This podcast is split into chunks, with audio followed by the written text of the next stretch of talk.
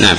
الحمد لله رب العالمين والصلاة والسلام على أشرف الأنبياء والمرسلين نبينا محمد وعلى آله وأصحابه أجمعين. اللهم اغفر لنا ولشيخنا وعلمنا ما ينفعنا وانفعنا بما علمتنا يا أرحم الراحمين. أما بعد فبأسانيدكم إليه رحمنا الله تعالى وإياه. قال باب إفشاء السلام. حدثنا أبو بكر بن أبي شيبة قال حدثنا أبو معاوية وابن نمير عن الأعمش عن أبي صالح عن أبي هريرة قال قال رسول الله صلى الله عليه وسلم والذي نفسي بيده لا تدخلوا الجنة حتى تؤمنوا ولا تؤمنوا حتى تحابوا. أولا أدلكم على شيء إذا فعلتموه؟ تحاببتم أفشوا السلام بينكم. حدثنا أبو بكر بن أبي شيبة قال حدثنا إسماعيل بن عياش عن محمد بن زياد عن أبي أمامة قال أمرنا نبينا صلى الله عليه وسلم أن نفشي السلام. حدثنا أبو بكر بن أبي شيبة قال حدثنا محمد بن فضيل عن عطاء بن السائب عن أبيه عن عبد الله بن عمرو قال قال رسول الله صلى الله عليه وسلم اعبدوا الرحمن وافشوا السلام. باب رد السلام. حدثنا أبو بكر بن أبي شيبة قال حدثنا عبد الله بن نمير قال حدثنا عبيد الله بن عمر قال حدثنا سعيد بن أبي سعيد المقبوري عن أبي هريرة أن رجلا دخل المسجد ورسول الله صلى الله عليه وسلم جالس. جالس في ناحية المسجد فصلى ثم جاء فسلم فقال وعليك السلام. حدثنا أبو بكر بن أبي شيبة قال حدثنا عبد الرحيم بن سليمان عن زكريا عن الشعبي عن أبي سلمة أن عائشة حدثته أن رسول الله صلى الله عليه وسلم قال لها إن جبريل يقرأ عليك السلام. قالت وعليه السلام ورحمة الله. باب رد السلام على أهل ذمة. حدثنا أبو بكر قال أبو بكر قال حدثنا عبدة بن سليمان ومحمد بن بشر عن سعيد عن قتادة عن أنس بن مالك قال قال رسول الله صلى الله عليه وسلم إذا سلم عليكم أحد من أهل الكتاب فقولوا عليكم. حدثنا أبو بكر قال حدثنا أبو معاوية عن الأعمش عن مسلم عن مسروق عن عائشة أن وات النبي صلى الله عليه وسلم ناس من اليهود فقالوا السلام عليك يا أبا القاسم فقال وعليكم.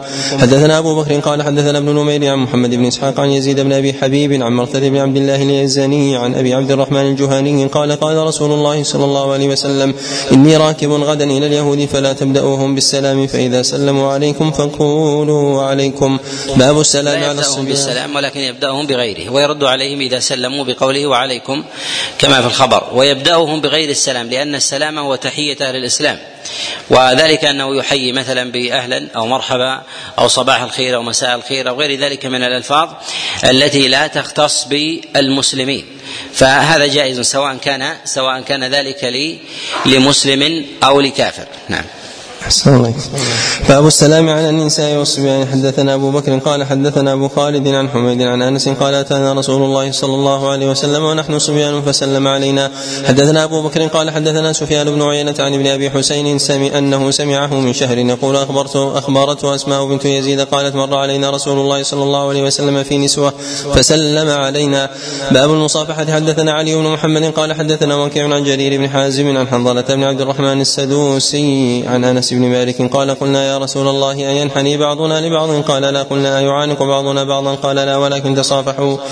حدثنا أبو بكر أبو بكر بن أبي شيبة قال حدثنا أبو خالد الأحمر وعبد الله بن نمير عن الأجلح عن أبي إسحاق عن البراء بن عازم قال قال رسول الله صلى الله عليه وسلم ما من مسلمين يلتقيان فيتصافحان إلا غفر لهما قبل أن يتفرقا. باب الرجل يقبل يد الرجل. حدثنا أبو بكر بن أبي شيبة قال حدثنا محمد بن فضيل عن يزيد بن أبي زياد عن عبد الرحمن بن أبي ليلى عن ابن عمر قال قبلنا يد النبي صلى الله عليه وسلم. حدثنا أبو بكر قال حدثنا عبد الله بن إدريس وغندر وأبو أسامة عن شعبة عن عمرو بن مرة عن عبد الله بن سلامة عن صفوان بن عسال أن قوما من اليهود قبلوا يد النبي صلى الله عليه وسلم ورجليه. تقبيل اليدين على حالين. تقبيل اليدين على حالين. تقبيل اليد من غير تعظيم. من غير تعظيم. وإذا حصل شيء من الانحناء غير مقصود بالركوع وإنما ليصل إلى اليد فهذا لا بأس به لمن عظم الله عز وجل حقه عليك كالأب والأم. الثاني أن يكون ثمة تقبيل مع وضع الجبهة على اليد فهذا سجود وليس بتقبيل فهذا فهذا لا يجوز. فهذا لا يجوز. وقد نهى عنه غير واحد من السلف أن يضع الإنسان جبهته على على كف كف الأب أو كف الأم أو أو كف مثلا سيد في قومه أو نحو ذلك فهذا فهذا سجود وليس بتقبيل. وبعض السلف ينهى عن تقبيل اليد على أي حال كما نهى عن ذلك سفيان الثوري وكان يسميه السجده الصغرى باعتبار أنه يتضمن شيء من الإنحناء. نعم.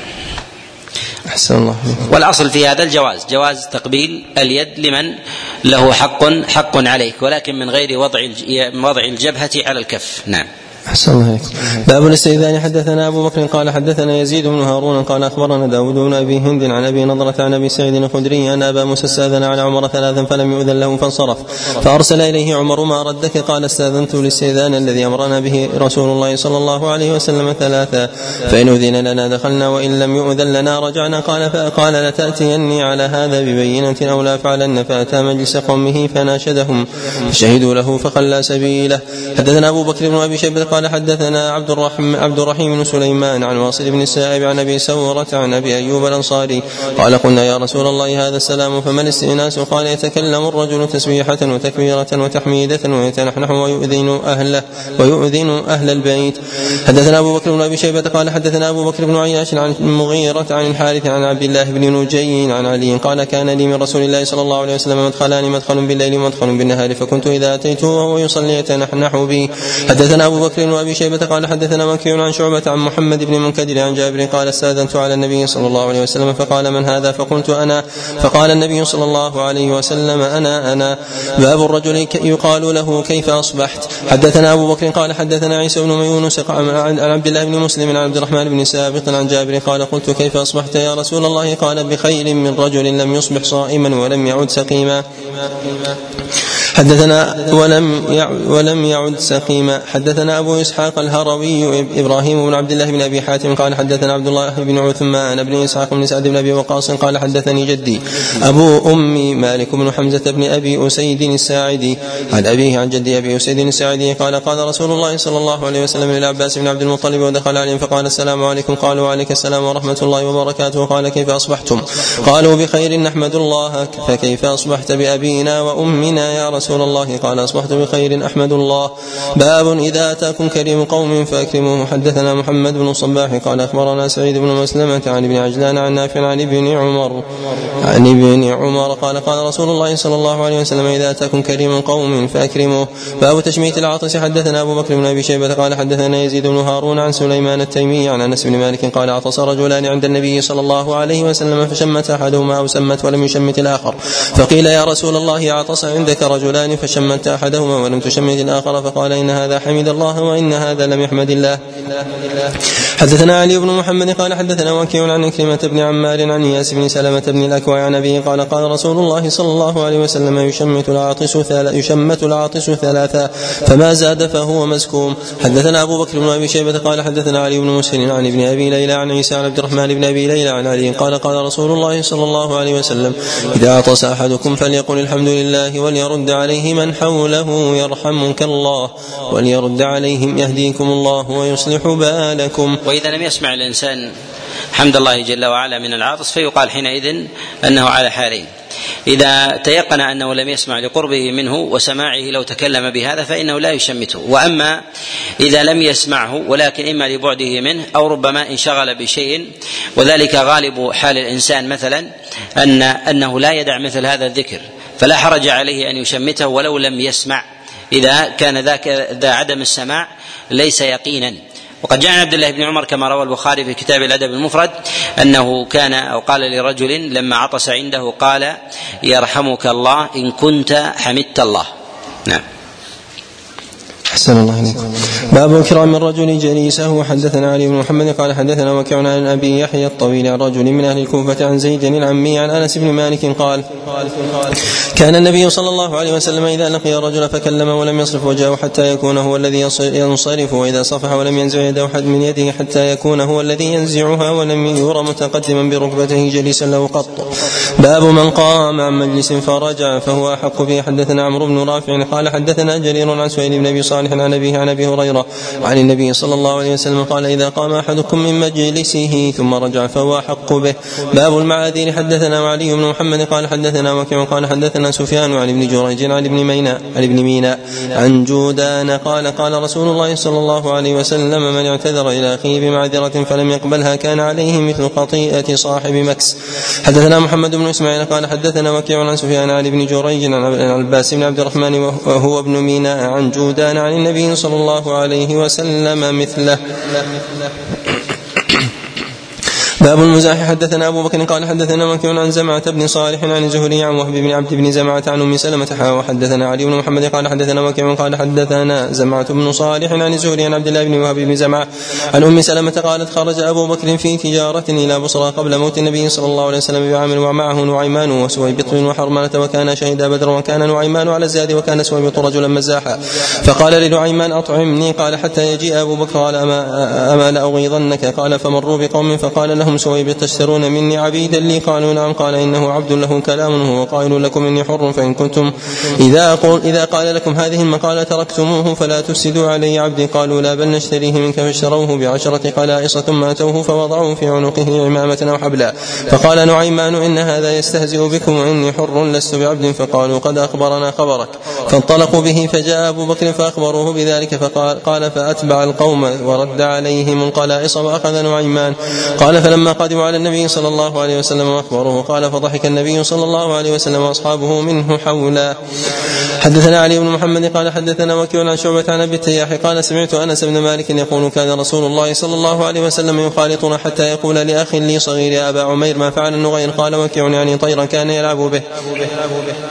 باب نتف الشيب. حدثنا أبو بكر بن أبي شيبة قال حدثنا عبدة بن سليمان عن محمد بن إسحاق عن عمرو بن شعيب عن أبيه عن جده قال نهى رسول الله صلى الله عليه وسلم عن نتف الشيب. وقال هو نور المؤمن. باب الجلوس بين الظل والشمس. حدثنا أبو بكر بن أبي شيبة قال حدثنا زيد بن الحباب عن أبي المنيب عن ابن بريدة عن أبيه أن النبي صلى الله عليه وسلم نهى أن يقعد بين الظل والشمس. باب النهي عن الاضطجاع على الوجه. حدثنا محمد بن الصباح قال حدثنا الوليد بن مسلم عن الأوزاعي عن يحيى بن أبي كثير عن قيس بن طهفة الغفاري عن أبيه قال أصابني رسول الله صلى الله عليه وسلم نائما في المسجد على بطني فركضني برجله وقال ما لك ولهذا النوم؟ هذه نومة يكرهها الله أو يبغضها الله.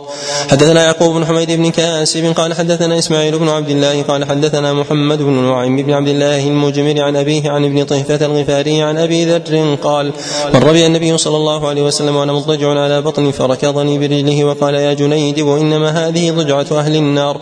حدثنا يعقوب بن حميد بن كاسب قال حدثنا سلمة بن رجاء عن الوليد بن جميل الدمشقي قال أنه سمع القاسم بن عبد الرحمن يحدث عن أبي أمامة قال مر النبي صلى الله عليه وسلم على رجل نائم في المسجد منبطح على وجهه فضربه برجله وقال قم أو اقعد فإنها نومة جهن جهنمية أو جهنمية. الواردة في النهي عن النوم على البطن معلولة جميعها ولا تصح على سبيل الاستقلال منهم من يحسنها بمجموع بمجموع الطرق ومنهم من لا يقبلها ولكن على سبيل الانفراد كلها معلولة أحسن الله إليك باب تعلم النجوم. حدثنا أبو بكر قال حدثنا يحيى بن سعيد عن عبيد الله بن الأخنس عن الوليد بن عبد الله عن يوسف بن ماهك عن ابن عباس قال قال رسول الله صلى الله عليه وسلم من اقتبس علما من النجوم اقتبس شعبة من السحر زاد ما زاد. باب النهي عن سب الريح. حدثنا أبو بكر قال حدثنا يحيى بن سعيد عن الأوزاعي عن الزهري قال حدثنا ثابت الزرقي عن أبي هريرة قال قال رسول الله صلى الله عليه وسلم لا تسبوا الريح فإنها من روح الله تأتي بالرحمة والعذاب ولكن سلوا الله من خيرها وتعوذوا بالله من شرها.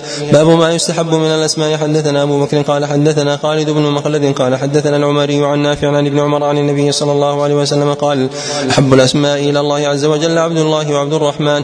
باب ما يكره من الأسماء. حدثنا نصر بن علي قال حدثنا أبو أحمد قال حدثنا سفيان عن أبي زبير عن جابر عن عمر بن الخطاب قال قال رسول الله صلى الله عليه وسلم لئن عشت إن شاء الله لانهين أن يسمى ان يسمى رباحا ونجيح رباح أن يسمى رباح ونجيح وأفلح ويسار.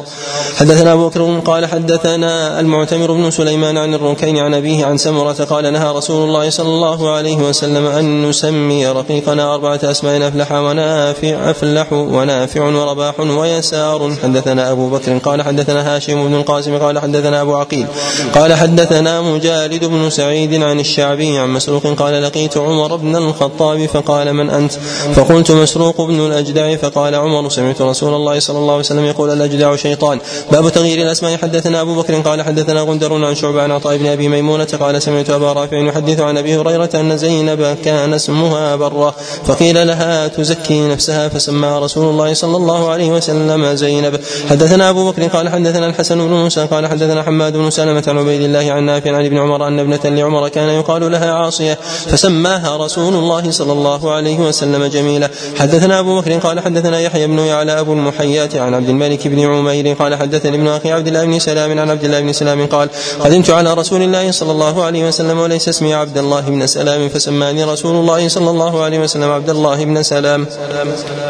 باب الجمع بين اسم النبي صلى الله عليه وسلم وكنيته. حدثنا أبو بكر بن أبي شيبة قال حدثنا سفيان بن عيينة عن أيوب عن محمد قال سمعت أبا هريرة يقول قال أبو القاسم صلى الله عليه وسلم تسموا باسمي ولا ولا تكنوا بكنيتي. حدثنا أبو بكر بن أبي شيبة قال حدثنا أبو معاوية عن الأعمش عن أبي سفيان عن جابر قال قال رسول الله صلى الله عليه وسلم تسموا باسمي ولا تكنوا بكنيتي. حدثنا أبو بكر بن أبي شيبة قال حدثنا عبد الوهاب الثقافي عن حميد عن أنس قال كان رسول الله صلى الله عليه وسلم بالوقع فنادى رجل رجلا يا أبا القاسم فالتفت إليه رسول الله صلى الله عليه وسلم فقال إني لم أعنك. فقال رسول الله صلى الله عليه وسلم تسموا باسمي ولا تكنوا بكنيتي. باب الرجل يكتني قبل أن يولد له. حدثنا أبو بكر بن أبي شيبة قال حدثنا يحيى بن أبي بكير قال حدثنا زهير بن محمد عن عبد الله بن محمد بن عقيل عن حمزة بن صهيب أن عمر عن حمزة بن صهيب أن عمر قال لصهيب ما لك تكتني بأبي يحيى وليس لك ولد؟ قال كناني رسول الله صلى الله عليه وسلم بأبي يحيى. حدثنا أبو بكر قال حدثنا وكيع عن هشام بن عروة عن مولى للزبير عن عائشة أنها قالت للنبي صلى الله عليه وسلم كل أزواجك كنيته غيري. قال فأنت أم عبد الله. حدثنا أبو بكر بن أبي شيبة قال حدثنا وكيع عن شعبة عن أبي تياح عن أنس قال كان النبي صلى الله عليه وسلم يأتينا فيقول لأخ لي وكان صغيرا يا أبا عمير. باب الألقاب. حدثنا أبو بكر قال حدثنا عبد الله بن إدريس عن داود عن الشعبي عن أبي جبيرة بن الضحاك قال نزلت فينا قال فينا نزلت معشر الأنصار ولا تنابزوا بالألقاب. قدم علينا النبي صلى الله عليه وسلم والرجل منا له الاسمان والثلاثة فكان النبي صلى الله عليه وسلم ربما دعاهم ببعض تلك الأسماء فيقال يا رسول الله إنه يغضب من هذا فنزلت ولا تنابزوا بالألقاب. باب المدح. حدثنا أبو بكر قال حدثنا عبد الرحمن بن مهدي عن سفيان عن حبيب بن أبي ثابت عن مجاهد عن أبي معمر عن المقداد بن عمرو قال أمرنا رسول الله صلى الله عليه وسلم أن نحتوى في وجوه والداحين التراب. حدثنا أبو بكر بن أبي شيبة قال حدثنا غندر عن شعبة عن سعد بن إبراهيم بن عبد الرحمن بن عوف عن معبد الجهني عن معاوية قال سمعت رسول الله صلى الله عليه وسلم يقول إياكم التمادح فإنه الذبح. حدثنا أبو بكر بن أبي شيبة قال حدثنا شبابة قال حدثنا شعبة عن خالد الحذا عن عبد الرحمن بن أبي بكر عن أبيه قال مدح رجل رجلا عند رسول الله صلى الله عليه وسلم فقال رسول الله صلى الله عليه وسلم ويحك قطعت عنق صاحبك مرارا ثم قال إن كان أحدكم مادحا أخاه فليقل أحسبه ولا أزكي على الله أحدا. باب المستشار مؤتمن. العقول شيء من المدح. مثل المدح لأن عن المدح ينتج الكبر والكبر يحجب العقل. عن الفهم والإدراك والتأني ويغرس في النفس ثقة عمياء تقود الإنسان إلى الباطل وهو مكابر. نعم. أحسن عليكم. باب المستشار مؤتمن حدثنا أبو بكر بن أبي شيبة قال حدثنا يحيى بن أبي بكير عن شيبان عن عبد الملك بن عمير عن أبي سلمة عن أبي هريرة قال قال رسول الله صلى الله عليه وسلم المستشار مؤتمن. حدثنا أبو بكر بن أبي شيبة قال حدثنا أسود بن عامر عن شريك عن الأعمش عن أبي عمرو الشيباني عن أبي مسعود قال قال رسول الله صلى الله عليه وسلم المستشار مؤتمن. حدثنا أبو بكر قال حدثنا يحيى بن زكريا بن أبي زائدة وعلي بن هاشم عن ابن أبي ليلى عن أبي الزبير عن جابر قال قال رسول الله صلى الله عليه وسلم إذا استشار أحدكم أخاه فليشر عليه. باب دخول الحمام. حدثنا أبو بكر قال أبو بكر قال حدثنا عبدة بن سليمان حا وحدثنا علي بن محمد قال حدثنا خالي على وجعفر بن عمرو جميعا عن عبد الرحمن بن زياد بن أنعم الأفريقي الإفريقي. عن عبد الرحمن بن رافع عن عبد الله بن عمرو قال قال رسول الله صلى الله عليه وسلم تفتح لكم أرض الأعاجم وستجدون فيها بيوتا يقال لها الحمامات فلا يدخلها الرجال إلا بإزار. وامنعوا النساء أن يدخلنها إلا مريضة أو نفساء. حدثنا علي بن محمد قال حدثنا وكيع وحدثنا المراد بالحمامات الحمامات تكون عامة وليست الحمامات الموجودة المستعملة الآن. حمامات عامة يدخلها أفراد متعددون جماعة من النساء في موضع في موضع واحد. وذلك للغسل والتطيب والتطبب أيضا والاستجمام وغير ذلك. وليست هي الحمامات التي في عرفنا في عرفنا اليوم. نعم.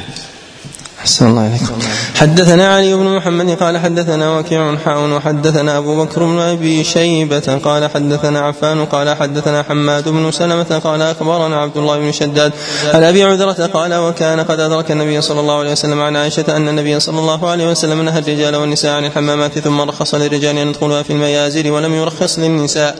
حدثنا علي بن محمد قال حدثنا وكيع عن سفيان عن منصور عن سالم بن أبي الجعد عن أبي المليح الهذلي أن نسوة من أهل حمص استأذن على عائشة فقالت لعلكن من اللواتي يدخلن الحمامات. سمعت رسول الله صلى الله عليه وسلم يقول أيما امرأة وضعت ثيابها في غير في غير بيت زوجها فقد هتكت ستر ما بينها وبين الله ما بينها وبين الله. باب الاطلاع بالنورة. حدثنا علي بن محمد قال ذلك لظهور العورات في الحمامات.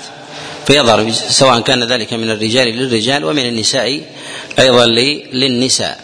وأما الحمامات التي يكون فيها الكنف والتي تكون في البيوت وكذلك أيضا تكون في في أروقة أو مجاورة المساجد فهذه أشياء أشياء أخرى. واشتهر وضع الحمامات بجوار المساجد قديما في الصدر الأول. ولهذا قد ذكر بعض الفقهاء من الحنفية وهو أكمل الدين البابرتي وهو من محقق الحنفية يقول هذا من الصدر الأول وضع الحمامات بجوار المساجد.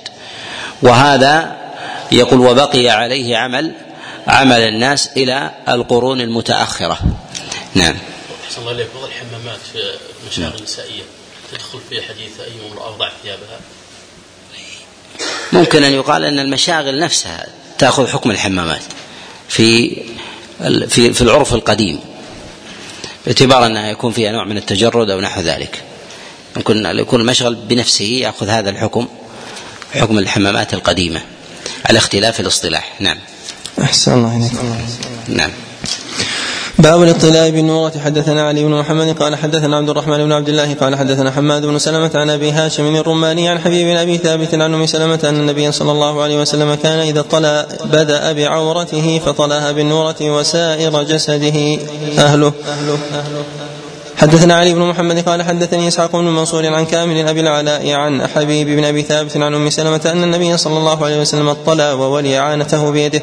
باب القصص. حدثنا هشام بن عمار قال حدثنا الهقل بن زياد قال حدثنا الأوزاعي عن عبد الله بن عامر الاسلمي عن عمرو بن شعيب عن أبيه عن جده أن رسول الله صلى الله عليه وسلم قال لا يقص على الناس إلا أمير أو مأمور أو مراء. حدثنا علي بن محمد قال حدثنا وكيع عن العمري عن نافع عن ابن عمر قال لم يكن القصص في زمن رسول الله صلى الله عليه وسلم ولا زمن أبي بكر ولا زمن عمر.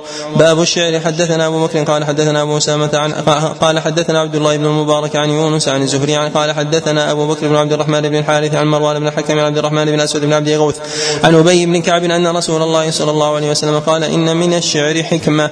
حدثنا أبو بكر قال حدثنا أبو أسامة عن زائدة عن سماك بن عكر عن سماك عن عكرمة عن ابن عباس أن النبي صلى الله عليه وسلم كان يقول إن من الشعر حكما حدثنا محمد بن صباح قال حدثنا سفيان بن عيينة عن عبد الملك بن عمير عن أبي سلمة عن أبي هريرة أن رسول الله صلى الله عليه وسلم قال أصدق كلمة قالها شاعر قالها الشاعر كلمة لبيد. ألا كل شيء ما خلا الله باطل؟ وكاد أمية بن أبي الصلت أن يسلم. حدثنا أبو بكر بن أبي شيبة قال حدثنا عيسى بن يونس عن عبد الله بن عبد الرحمن بن يعلى عن عمرو بن الشريد عن أبيه قال أنشدت رسول الله صلى الله عليه وسلم مئة قافية من شعر أمية بن أبي الصلت يقول بين كل قافية هي. وقال كاد أن يسلم. باب ما كره من الشعر. حدثنا أبو بكر قال حدثنا حفص وأبو معاوية ووكيع عن الأعمش عن أبي صالح عن أبي هريرة قال قال رسول الله صلى الله عليه وسلم لأن يمتلئ جوف الرجل قيحا يريه خير له من أن يمتلئ شعرا. إلا أن حفصا لم يقل يريه. حدثنا محمد بن مشان قال حدثنا يحيى بن سعيد ومحمد بن جعفر قال حدثنا شعبة قال حدثني قتادة عن يونس بن جبير عن محمد بن سعد بن أبي وقاص عن سعد بن أبي وقاص عن النبي صلى الله عليه وسلم قال لأن يمتلئ جوف أحدكم قيحا حتى يريه خير له من من أن يمتلئ شعرا. حدثنا أبو بكر بن أبي شيبة قال حدثنا عبيد الله عن شيبان عن الأعمش عن عمرو بن مرة عن يوسف بن ماهك عن عبيد بن عمير عن عائشة قالت قال رسول الله صلى الله عليه وسلم إن أعظم الناس فرية رجل هاجى رجلا فهجى القبيلة بأسرها ورجل انتفى من أبيه وزنى وزنى أمه. باب اللعب بالنرد أو باب اللعب بالنرد حدثنا أبو بكر بن أبي شيبة قال حدثنا عبد الرحيم بن سليمان وأبو أسامة عن عبيد الله بن عمر عن نافع عن سعيد بن أبي هند عن أبي موسى قال قال رسول الله صلى الله عليه وسلم من لعب بالنرد فقد عصى الله ورسوله. حدثنا أبو بكر قال حدثنا عبد الله بن نمير وأبو أسامة عن سفيان عن علقمة بن مرثد عن سليمان بن بريد عن أبيه عن النبي صلى الله عليه وسلم قال من لعب بالنرد الشير فكأنما غمس يده في لحم خنزير ودمه. باب اللعب بالحمام. حدثنا عبد الله بن عامر بن زرارة قال حدثنا شريك عن محمد بن عمرو عن أبي سلمة بن عبد الرحمن عن عائشة أن النبي صلى الله عليه وسلم نظر إلى إنسان يتبع طائرا فقال شيطان يتبع شيطانا. حدثنا أبو بكر قال حدثنا الأسود بن عامر قال عن حماد بن سلامة عن محمد بن عمرو عن أبي سلمة عن أبي هريرة أن النبي صلى الله عليه وسلم قال أن النبي صلى الله عليه وسلم رأى رجلا يتبع حمامة فقال شيطان يتبع شيطانا.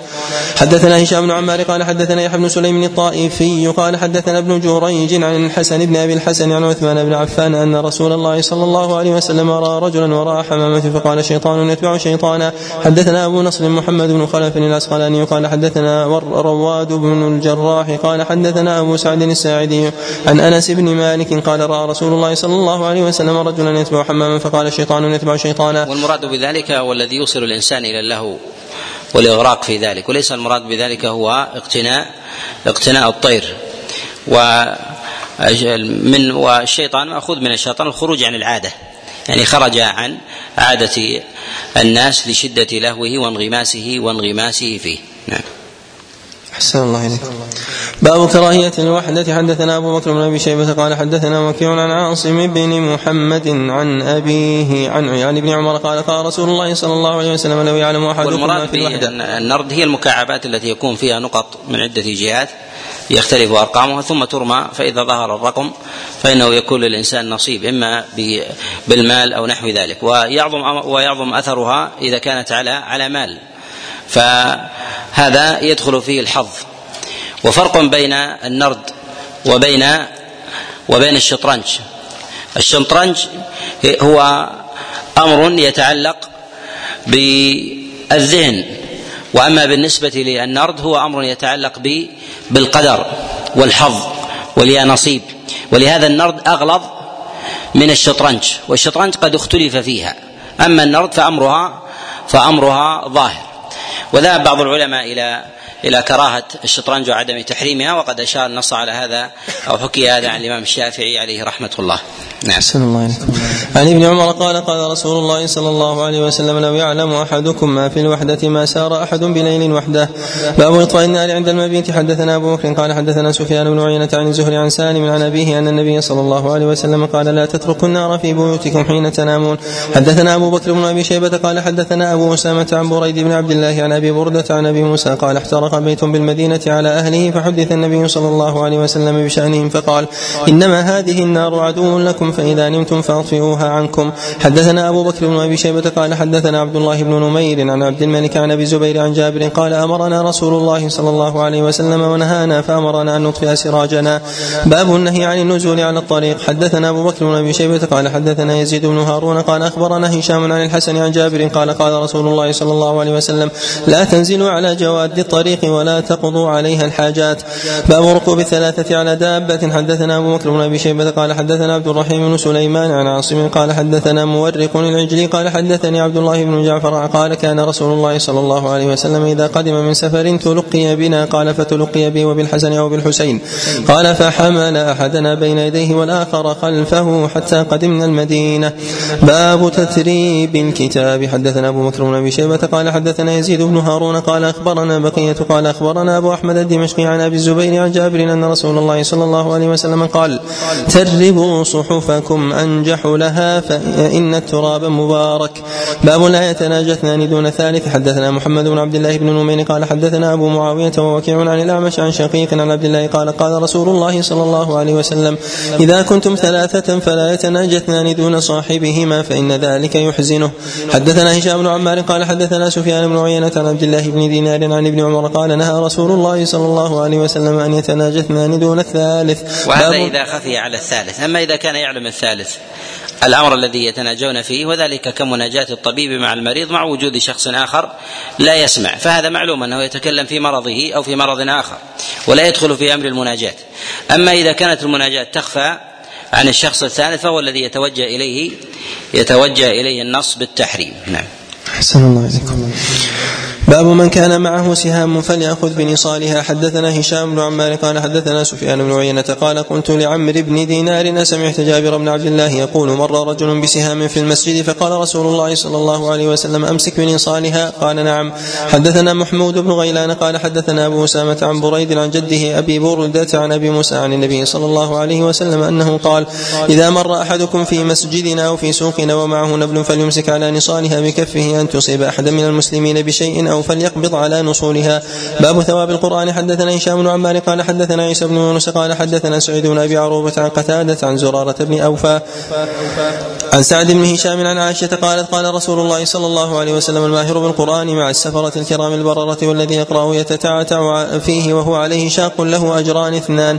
حدثنا أبو بكر قال حدثنا عبيد الله بن موسى قال أخبرنا شيبان عن فراس عن عطية عن أبي سعيد الخدري قال قال رسول الله صلى الله عليه وسلم يقال لصاحب القرآن إذا دخل الجنة اقرأ واصعد فيقرأ ويصعد بكل آية درجة حتى يقرأ آخر آخر شيء معه.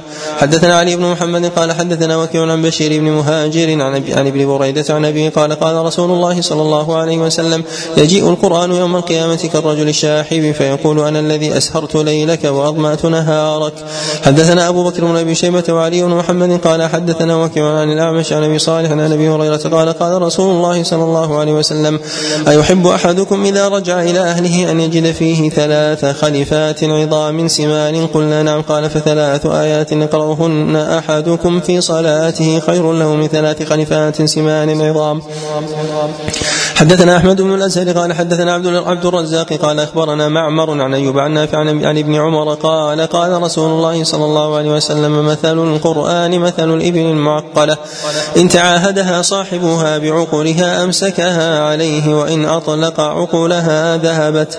حدثنا أبو مروان محمد بن عثمان العثماني قال حدثنا عبد العزيز بن أبي حازم عن, عن العلاء بن عبد الرحمن عن أبيه عن أبي هريرة قال سمعت رسول الله صلى الله عليه وسلم يقول قال الله عز وجل قسمت الصلاة بيني وبين عبدي شطرين فنصفها لي ونصفها لعبدي ولعبدي ما سأل. قال فقال رسول الله صلى الله عليه وسلم اقرأوا يقول عبد يقول العبد الحمد لله رب العالمين. فيقول الله عز وجل حمدني عبدي ولعبدي ما سأل. فيقول الرحمن الرحيم. فيقول أثنى علي عبدي ولعبدي ما سأل.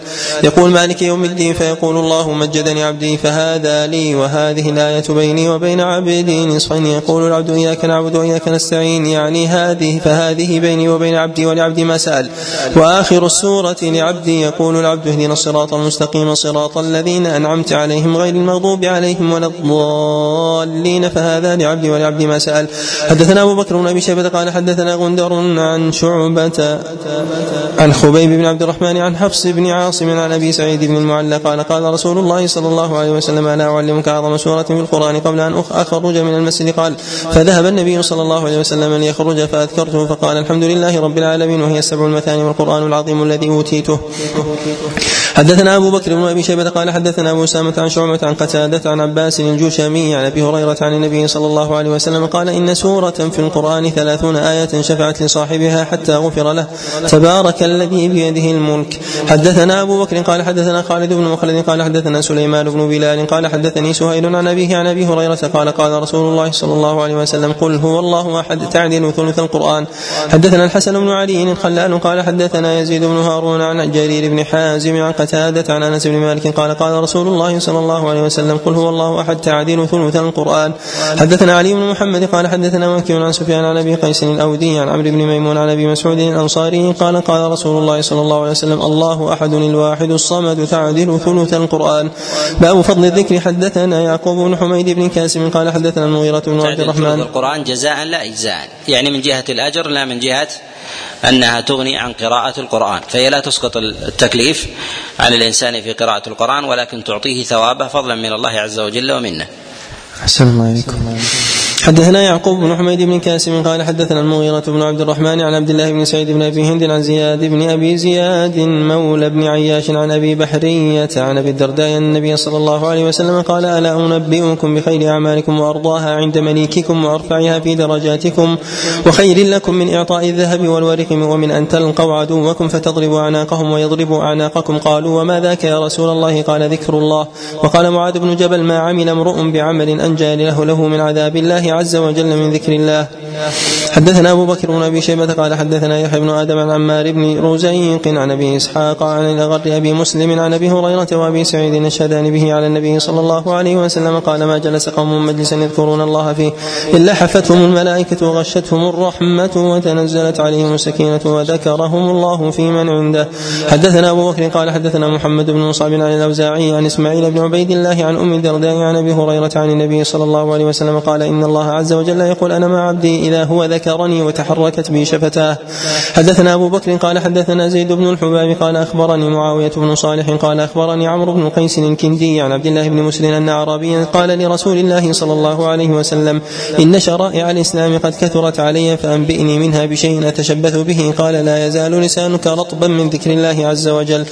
باب فضل لا إله إلا الله. حدثنا أبو بكر قال حدثنا الحسين بن علي عن حمزة الزيات عن أبي إسحاق عن الأغر أبي مسلم أنه شهد على أبي هريرة وابي سعيد أنهما شهدا على رسول الله صلى الله عليه وسلم قال إذا قال العبد لا إله إلا الله والله أكبر قال يقول الله عز وجل صدق عبدي لا إله إلا أنا وأنا الله الله أكبر. وإذا قال العبد لا إله إلا الله وحده قال صدق عبدي لا إله إلا أنا وحدي. وإذا قال لا إله إلا الله لا شريك له قال صدق عبدي لا إله إلا أنا ولا شريك لي. وإذا قال لا إله إلا الله له الملك وله الحمد قال صدق عبدي لا إله إلا أنا لي الملك ولي الحمد. وإذا قال لا إله إلا الله ولا حول ولا قوة إلا بالله قال صدق عبدي لا إله إلا أنا ولا حول ولا قوة إلا بي. قال أبو إسحاق ثم قال نغر شيئا لم أفهمه. قال فقلت لأبي جعفر ما قال. قال من رزقهن عند موته لم تمسه النار. حدثنا هارون بن إسحاق الهمداني قال حدثنا محمد بن عبد الوهاب عن مسعر عن عن إسماعيل بن أبي خالد عن الشعبي عن يحيى بن طلحة عن أمه سعد المريه قالت عن أمه سعد المرية قالت مر عمر بن طلحة بعد وفاة رسول الله صلى الله عليه وسلم فقال ما لك مكتئبا اساتك إمرة ابن عمك قال لا ولكن سمعت رسول الله صلى الله عليه وسلم يقول إني لا أعلم كلمة لا يقولها أحد عند موته إلا كانت نورا لصحيفته وإن جسده وروحه لا يجدان لها روحا عند الموت. فلم أسأله حتى توفي قال أنا أعلمها هي التي أراد عمه عليها ولو علم أن شيئا أنجى له منها لأمره. حدثنا عبد الحميد بن بيان الواسطي قال حدثنا خالد بن عبد الله عن يونس عن حميد بن هلال عن حصان بن الكاهلي عن عبد الرحمن بن سمرة عن معاذ بن جبل قال قال رسول الله صلى الله عليه وسلم ما من نفس من نفس تموت تشهد أن لا إله إلا الله واني رسول الله يرجع ذلك إلى قلب موقن إلا غفر الله لها. حدثنا إبراهيم بن المدين الحزامي قال حدثنا زكريا بن منظور قال حدثني محمد بن عقبة عن أم هانئ قالت قال رسول الله صلى الله عليه وسلم لا إله إلا الله لا يسبقها عمل ولا تترك ذنبا. حدثنا أبو بكر قال حدثنا زيد بن الحباب عن مالك بن أنس قال أخبرني سمي مولى أبي بكر عن أبي صالح عن أبي هريرة قال قال رسول الله صلى الله عليه وسلم من قال في يوم مئة مرة لا إله إلا الله وحده لا شريك له له الملك وله الحمد وهو على كل شيء قدير كان له عدل عشر رقاب وكتبت له مئة حسنة ومحي عنه مئة سيئات وكن له حرزا من الشيطان سائر يومه إلى الليل ولم يأتي أحد بأفضل مما أتى به إلا من قال أكثر حدثنا أبو بكر بن أبي شيبة قال حدثنا بكر بن عبد الرحمن قال حدثنا عيسى بن المختار عن محمد بن أبي ليلى عن عطية العوفي عن أبي سعيد عن النبي صلى الله عليه وسلم قال من قال في دبر صلاة الغداة لا إله إلا الله وحده لا شريك له له الملك وله الحمد بيده الخير وهو على كل شيء قدير كان كعتاق رقبة من ولد إسماعيل. باب فضل الحامدين. حدثنا عبد الرحمن بن إبراهيم الدمشقي قال حدثنا موسى بن إبراهيم بن كثير بن بشير بن الفاكي قال سمعت طلحة بن خراش بن عم جابر قال سمعت جابر بن عبد الله يقول سمعت رسول الله صلى الله عليه وسلم يقول أفضل الذكر لا إله إلا الله وأفضل الدعاء الحمد لله حدثنا إبراهيم بن المنذر الحزامي قال حدثنا صدقة بن بشير مولى العمريين قال سمعت قدامة بن عبد الله الجمحي يقول يحدث أنه كان يختلف إلى عبد الله بن عمر بن الخطاب وهو غلام عليه ثوبان معصفران. قال فحدثنا عبد الله بن عمر أن رسول الله صلى الله عليه وسلم حدثهم أن عبدا من عباد الله قال يا ربي لك الحمد كما ينبغي لجلال وجهك ولعظيم سلطانك. فعضلت بالملكين فلم يدريا كيف يكتبانها فصعدا إلى السماء فقال يا ربنا إن عبدك قد قال مقالة لا ندري كيف نكتب. وقال الله عز وجل وهو أعلم بما قال عبده ماذا قال عبدي؟ قال يا ربي إنه قد قال يا ربي لك الحمد كما ينبغي لجلال وجهك وعظيم سلطانك. فقال الله عز وجل له مكتوباها كما قال عبدي حتى يلقاني فأجزيه بها. حدثنا علي بن محمد قال حدثنا يحيى بن آدم قال حدثنا إسرائيل عن أبي إسحاق عن عبد الجبار بن وائل عن أبيه قال صليت مع النبي صلى الله عليه وسلم فقال الرجل الحمد لله حمدا كثيرا طيبا مباركا فيه. فلما صلى النبي صلى الله عليه وسلم قال من ذا الذي قال هذا؟ قال الرجل أنا وما أردت إلى الخير. فقال لقد فتحت لها أبواب السماء فما نهى فما نهنهها شيء دون العرش. حدثنا هشام بن خالد الأزرق وأبو مروان قال حدثنا الوليد بن مسلم قال حدثنا زهير بن محمد عن منصور بن عبد الرحمن عن أمه صفية بنت شيبة عن عائشة قالت كان رسول الله صلى الله عليه وسلم إذا رأى ما يحب قال الحمد لله الذي بنعمته تتم الصالحات. وإذا رأى ما يكره قال الحمد لله على كل حال. حدثنا علي بن محمد قال حدثنا وكيع عن موسى بن عبيدة عن محمد بن ثابت عن أبي هريرة أن النبي صلى الله عليه وسلم كان يقول الحمد لله على كل حال ربي أعوذ بك من حال أهل النار. حدثنا الحسن بن علي الخلال قال حدثنا أبو عاصم عن شبيب بن بشر عن أنس قال قال رسول الله صلى الله عليه وسلم ما أنعم الله على عبد نعمة فقال الحمد لله إلا كان الذي أعطى أفضل مما أخذ باب فضل التسبيح حدثنا أبو بشر وعلي بن محمد قال حدثنا محمد بن فضيل عن عمارة بن القعقاع عن أبي زرعة عن أبي هريرة قال حدثنا أبو بشر وعلي بن محمد قال حدثنا محمد بن فضيل عن عمارة بن القعقاع عن أبي زرعة عن أبي هريرة قال قال رسول الله صلى الله عليه وسلم عندكم عندك أبو بشر؟ أنت أبو بكر بن أبي شيبة. حدثنا أبو بكر وعلي بن محمد قال حدثنا محمد بن فضيل عن بكر بن القعقاع عن أبي زرعة عن أبي هريرة قال قال رسول الله صلى الله عليه وسلم كلمتان خفيفتان على اللسان ثقيلتان في الميزان حبيبتان إلى الرحمن سبحان الله وبحمده سبحان الله العظيم. حدثنا أبو بكر بن أبي شيبة قال حدثنا عفان قال حدثنا حماد بن سلمة عن أبي سنان عن عثمان بن أبي سودة عن أبي هريرة أن رسول الله صلى الله عليه وسلم مر به وهو يغرس غرسا فقال يا أبا هريرة ما الذي تغرس قلت غراسا. قال ألا أدلك على غراس خير من هذا؟ قال بلى يا رسول الله. قال قل سبحان الله والحمد لله ولا إله إلا الله والله أكبر. يغرس لك بكل واحدة شجرة في الجنة. حدثنا أبو بكر بن أبي شيبة قال حدثنا محمد بن بشر قال حدثنا مسعر قال حدثني محمد بن عبد الرحمن عن أبي رشدين عن ابن عباس عن جويرية قالت مر بها رسول الله صلى الله عليه وسلم حين صلى الغداة أو بعدما صلى الغداة وهي تذكر الله فرجع حين ارتفع النهار أو قال انتصف وهي كذلك فقال لقد قلت منذ قمت عنك. أربع كلمات ثلاث مرات هي أكثر وأرجح أو أوزن مما قلت سبحان الله عدد خلقه سبحان الله رضا نفسه سبحان الله زينة عرشه سبحان الله مداد كلماته. حدثنا أبو بشر بكر بن خلف قال حدثني يحيى بن سعيد عن موسى بن أبي عيسى الطحان عن عون بن عبد الله عن أبيه أو عن أخيه عن النعمان بن بشير قال قال نقول إن إن الطاعات أجرها ليس بنصبها وإنما بعظمها. وعظمها يؤخذ من المشرع لا من رغبة الإنسان وهواه. ولهذا يتقدم العلماء على غيرهم لأنهم يعرفون مواضع العبادة والتفضيل. أكثر من غيرهم ولهذا النبي عليه الصلاة والسلام قال هذه الكلمات والتي تأخذ من الإنسان ثواني معدودة يقولها الإنسان وهي أفضل من غيرها من الأذكار إذا جلس الإنسان من طلوع من من طلوع الفجر إلى إلى ارتفاع الشمس وذلك فضل الله عز وجل يوفق ويهدي إليه من يشاء. أحسن الله إليكم. حدثنا أبو بشر بكر بن خلف قال حدثني يحيى بن سعيد عن موسى بن أبي عيسى الطحان عن عون بن عبد الله عن أبيه أو عن أخيه عن النعمان بن بشير قال قال رسول الله صلى الله عليه وسلم إن مما تذكرون من جلال الله التسبيح والتهليل والتحميد إن عطفن حول العرش لهن دوي كدوي النحل تذكر بصاحبها أما يحب أحدكم أن يكون له أو لا يزال له من يذكر من يذكر به. حدثنا إبراهيم بن المنذر الحزامي قال حدثنا أبو يحيى زكريا بن منظور قال حدثني محمد بن عقبة بن أبي مالك عن أم هانئ.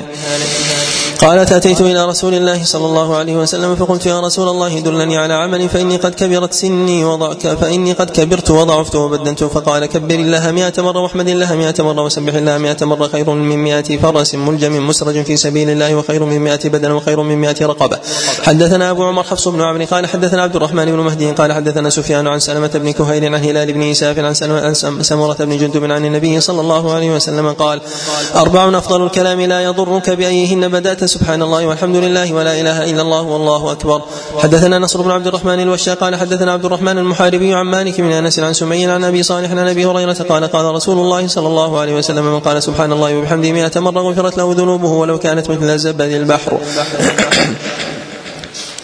حدثنا علي بن محمد قال حدثنا أبو معاوية عن عمر بن راشد عن يحيى بن أبي كثير عن أبي سلمة بن عبد الرحمن عن أبي الدرداء قال قال لي رسول الله صلى الله عليه وسلم عنك بسبحان الله والحمد لله ولا إله إلا الله والله أكبر فإنها يعني يحططن الخطايا كما تحط الشجرة ورقا.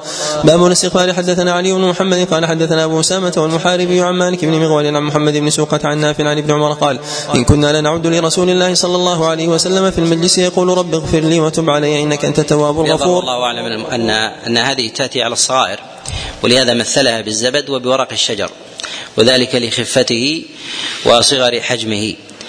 و وكذلك أيضا فإن من القرائن ان ثمة أعمال هي آكد وأعظم وأعظم منها. لا تكفر الذنوب إلا إذا اجتنبت الكبائر. وفضل الله عز وجل واسع. ولكن حتى لا يتكل ابن آدم وينبغي له أن يكثر من العمل الصالح وكذلك أيضا التوبة العينية من الذنوب والإقلاع عنها. رب اغفر لي وتب علي إنك أنت التواب الغفور وفي نسخة الرحيم مئة مرة. حدثنا أبو بكر بن أبي شيبة قال حدثنا محمد بن بشر عن محمد بن عمرو عن أبي سلمة عن أبي هريرة قال قال رسول الله صلى الله عليه وسلم إني لا أستغفر الله وأتوب إليه في اليوم مئة مرة. حدثنا علي بن محمد قال حدثنا وكيع عن مغيرة بن أبي الحر عن سعيد بن أبي بردة بن أبي موسى عن أبيه عن جده قال قال رسول الله صلى الله عليه وسلم إني لا أستغفر الله وأتوب إليه في اليوم سبعين مرة. حدثنا علي بن محمد قال حدثنا أبو بكر بن عياش عن أبي إسحاق عن ابي المغيرة عن حذيفة قال كان في لساني ذرب على أهلي وكان لا يعدوهم إلى غيرهم. فذكرت ذلك للنبي صلى الله عليه وسلم فقال أين أنت من الاستغفار تستغفر الله في اليوم سبعين مرة؟ حدثنا عمرو بن عثمان بن سعيد بن كثير بن دينار الحمصي قال حدثنا أبي قال حدثنا محمد بن عبد الرحمن بن عرق قال سمعت عبد الله بن بسر يقول قال النبي صلى الله عليه وسلم طوبى لمن وجد في صحيفته استغفارا كثيرا. حدثنا هشام بن عمال قال حدثنا الوليد بن مسلم قال حدثنا الحكم بن مصعب بن محمد بن علي بن عبد الله بن عباس أنه حدث عن عبد الله بن عباس قال قال رسول الله صلى الله عليه وسلم من لزم الاستغفار جعل الله له من كل هم فرجا ومن كل ضيق مخرجا ورزقه من حيث لا يحتسب حدثنا أبو بكر بن أبي شيبة قال حدثنا يزيد بن هارون عن حماد بن سلمة عن علي بن زيد عن أبي عثمان عن عائشة أن النبي صلى الله عليه وسلم كان يقول اللهم اجعلني من الذين إذا أحسنوا استبشروا وإذا أساءوا استغفروا باب فضل العمل حدثنا علي بن محمد قال حدثنا وكيع عن الأعمش عن المعرور بن سويد عن أبي ذر قال قال رسول الله صلى الله عليه وسلم يقول الله تبارك وتعالى من جاء بالحسنة فله عشر أمثالها وأزيد ومن جاء بالسيئة فجزاء سيئة مثلها أو أغفر ومن تقرب مني شبرا تقربت منه ذراعا ومن تقرب مني ذراعا تقربت منه باعا ومن أتاني يمشي أتيته هرولة ومن لقيني بقراب الأرض خطيئة ثم لا يشرك بي شيئا لقيته بمثلها مغفرة.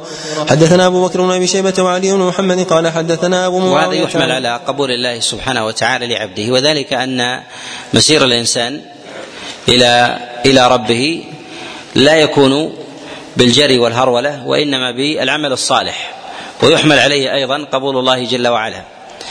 نعم. أحسن الله اليكم حدثنا قال حدثنا أبو معاوية عن الأعمش عن أبي صالح عن أبي هريرة قال قال رسول الله صلى الله عليه وسلم يقول الله سبحانه وأنا عند ظن عبدي بي وأنا معه حين يذكرني فان ذكرني في نفسي ذكرته في نفسي وإن ذكرني في ملأ ذكرته في ملأ خير منه وإن اقترب وإن اقترب إلي شبرا اقتربت إليه ذراعا وإن أتاني يمشي أتيته هروله حدثنا أبو بكر بن أبي شيبة قال حدثنا أبو معاوية ووكيع عن الأعمش عن أبي صالح عن أبي هريرة قال قال رسول الله صلى الله عليه وسلم كل عمل ابن آدم وهذا من الأحاديث التي يفضل فيها يستدل بها العلماء على فضل الملائكة على صالح بني آدم. قال وإن ذكرني في ملأ ذكرته في ملأ خير منه. نعم. أحسن الله عليكم. كل عمل ابن آدم يضاعف الحسنة بعشر أمثالها إلى سبعمائة ضعف. قال الله سبحانه إلا الصوم فإنه لي وأنا أجزي به. باب ما جاء فيه لا حول ولا قوة إلا بالله. حدثنا محمد بن الصباح قال أخبرنا جرير عن عاصم الأحول عن أبي عثمان عن أبي موسى قال سمعني النبي صلى الله عليه وسلم وأنا أقول لا حول ولا قوة إلا بالله. قال يا عبد الله بن قيس ألا أدلك على كلمة من كنوز الجنة؟ قلت بلى يا رسول الله. قال قل لا حول ولا قوة إلا بالله. حدثنا علي بن محمد قال حدثنا مكي عن الأعمش عن مجاهد عن عبد الرحمن بن أبي ليلى عن أبي ذر قال قال لي رسول الله صلى الله عليه وسلم ألا أدلك على كنز من كنوز, من كنوز الجنة؟ قلت بلى. قال لا حول ولا قوة إلا بالله. حدثنا يعقوب بن حميد المديني قال حدثنا محمد بن معن. قال حدثنا خالد بن سعيد عن أبي زينب مولى حازم بن حرملة. عن حازم بن حرملة قال مررت بالنبي صلى الله عليه وسلم فقال لي يا حازم أكثر من قول لا حول ولا قوة إلا بالله فإنها من كنوز الجنة. أبواب الدعاء باب فضل الدعاء. حدثنا بكر بن أبي شيبة وعلي بن محمد قال حدثنا وكيع. قال حدثنا أبو المليح المدني. قال سمعت أبا صالح عن أبي هريرة. قال قال رسول الله صلى الله عليه وسلم من لم يدع الله سبحانه غضب عليه. حدثنا علي بن محمد قال حدثنا وكيع عن الأعمش عن ذر بن عبد الله الهمداني عن يسيع الكندي عن النعمان بن بشير قال قال رسول الله صلى الله عليه وسلم إن الدعاء هو العبادة وهذا لعظم كرم الله عز وجل وسعة رحمته. والناس إذا سئلوا وأكثر عليهم غضبوا. والله جل وعلا من لم يسأله يغضب يغضب عليه. نعم. أحسن الله عليكم إن الدعاء هو العبادة ثم قرأ وقال ربكم ادعوني أستجب لكم. حدثنا محمد بن يحيى قال حدثنا أبو داود قال حدثنا عمران القطان عن قتادة عن سعيد بن أبي الحسن عن أبي هريرة عن النبي صلى الله عليه وسلم أنه قال ليس شيء أكرم على الله سبحانه من الدعاء. باب دعاء رسول الله صلى الله عليه وسلم. حدثنا علي بن محمد سنة إحدى وثلاثين ومائتين قال حدثنا وكيع في سنة خمس وتسعين ومائة قال حدثنا سفيان في مجلس الأعمش منذ خمسين سنة. قال حدثنا عمرو بن مرة الجمالي في زمن خالد عن عبد الله بن الحارث بن المكتب عن طليق بن قيس الحنفي. عن ابن عباس أن النبي صلى الله عليه وسلم كان يقول في دعائه رب أعني ولا تعن علي وانصرني ولا تنصر علي وانكر لي ولا تمكر علي واهدني ويسر الهدى ويسر الهدى لي وانصرني على من بغى علي. رب اجعلني لك شكارا لك ذكارا لك رهابا لك مطيعا. إليك مخبتا إليك أواها منيبا. رب تقبل توبتي واغسل حوبتي واجب دعوتي واهد قلبي وسد لساني وثبت حجتي واسلل سخيمة قلبي قال أبو الحسن الطنافسي قلت لوكيع أقوله في قنوت الوتر. قال نعم. حدثنا أبو بكر بن أبي شيبة قال حدثنا محمد بن أبي عبيدة قال حدثنا أبي عن الأعمش عن أبي صالح عن أبي هريرة قال أتت فاطمة النبي صلى الله عليه وسلم تسأله خادما فقال لها ما عندي ما أعطيك. فرجعت فأتاها بعد ذلك فقال الذي سألت أحب إليك أو هو أو ما هو خير منه؟ فقال لها علي قولي لا بل ما هو خير منه؟ فقالت فقال فقالت فقال قولي اللهم رب السماوات السبع ورب العرش العظيم ربنا ورب كل شيء منزل التوراة والإنجيل والقرآن العظيم. أنت الأول فليس قبلك شيء وأنت الآخر فليس بعدك شيء وأنت الظاهر فليس فوقك شيء وأنت الباطن فليس دونك شيء. اقضي عنا الدين وأغننا من الفقر. حدثنا يعقوب بن إبراهيم الدورقي ومحمد بن مشان قال حدثنا عبد الرحمن بن مهدي قال حدثنا سفيان عن أبي إسحاق عن, عن أبي إسحاق عن أبي الأحوص عن عبد الله عن النبي صلى الله عليه وسلم أنه كان يقول اللهم إني أسألك الهدى والتقى والعفاف والغنى. حدثنا أبو بكر بن أبي شيبة قال حدثنا عبد الله بن نمير عن موسى بن عبيده عن محمد بن ثابت عن أبي هريرة قال كان رسول الله صلى الله عليه وسلم يقول اللهم انفعني بما علمتني وعلمني ما ينفعني وزدني علما والحمد لله على كل حال. وأعوذ بالله من عذاب النار. حدثنا محمد بن عبد الله بن نمير قال حدثنا أبي قال حدثنا الاعمش عن يزيد الرقاش عن أنس بن مالك قال كان رسول الله صلى الله عليه وسلم يكثر أن يقول اللهم ثبت قلبي على دينك فقال رجل يا رسول الله تخاف علينا وقد أمنا بك وصدق آمنا بك وصدقناك بما جئت به فقال إن القلوب بين إصبعين من أصابع الله عز وجل يقلبها وأشار الأعمش باصبعيه حدثنا محمد بن روح قال حدثنا الليث بن سعد عن يزيد بن أبي حبيب عن أبي الخير عن عبد الله بن عمرو بن العاص عن أبي عن أبي بكر الصديق أنه قال لرسول الله صلى الله عليه وسلم علمني دعاء ادعو به في صلاتي قال قل اللهم إني ظلمت نفسي ظلما كثيرا ولا يغفر الذنوب إلا أنت. فاغفر لي مغفرة من عندك وارحمني إنك أنت الغفور الرحيم. حدثنا علي بن محمد قال حدثنا مكتوب عن مسعر عن أبي مرزوق عن أبي العدبس عن أبي أمامة الباهلي قال خرج علينا رسول الله صلى الله عليه وسلم وهو متكئ على عصا فلما رأيناه قمنا فقال لا تفعلوا كما يفعلها أهل فارس بعظمائهم أهل فارس بعظمائها. قلنا يا رسول الله لو دعوت الله لنا قال اللهم اغفر لنا وارحمنا وارض عنا وتقبل منا وادخلنا الجنة ونجنا من النار وأصلح لنا شأننا كله. قال فكأنما أحببنا أن يزيدنا. فقال أوليس قد جمعت لكم الأمر؟ حدثنا عيسى بن حماد المصري قال أخبرنا الليث بن سعد عن سعيد بن أبي سعيد المقبوري عن أخيه عباد بن أبي سعيد انه سمع ابا هريرة يقول قال رسول الله صلى الله عليه وسلم يقول اللهم إني كان رسول الله صلى الله عليه وسلم يقول اللهم إني أعوذ بك من الأربع من علم لا ينفع من قلب لا يخشع من نفس لا تشبع ومن دعاء لا يسمع. باب تعوذ باب ما تعوذ منه رسول الله صلى الله عليه وسلم. حدثنا أبو بكر بن أبي شيبة قال حدثنا عبد الله بن نمير وحدثنا علي بن محمد قال حدثنا وكيع عن جميع عن هشام بن عروه عن أبيه عن عائشة أن النبي صلى الله عليه وسلم كان يدعو بهؤلاء الدعوات.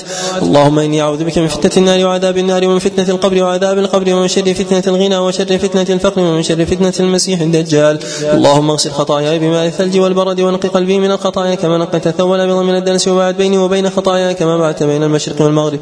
اللهم إني أعوذ بك من الكسل والهرم والمأثم والمغرم. حدثنا أبو بكر بن أبي شيبة قال حدثنا عبد الله بن إدريس عن حسين عن هلال عن فروة بن نوفل قال سألت عائشة عن دعاء كان يدعو به رسول الله صلى الله عليه وسلم فقالت كان يقول اللهم إني أعوذ بك من شر ما عملت ومن شر ما لم أعمل. حدثنا إبراهيم بن المنذر الحزامي قال حدثنا بكر بن سليم قال حدثني حميد الخراط عن أبي عن كريب مولى ابن عباس عن ابن عباس قال كان رسول الله صلى الله عليه وسلم يعلمنا هذا الدعاء كما يعلمنا السورة من القرآن أعوذ بك من عذاب جهنم وأعوذ بك من عذاب القبر. وأعوذ بك من فتنة المسيح الدجال وأعوذ بك من فتنة المحيا والممات وأعوذ بك من عذاب القبر.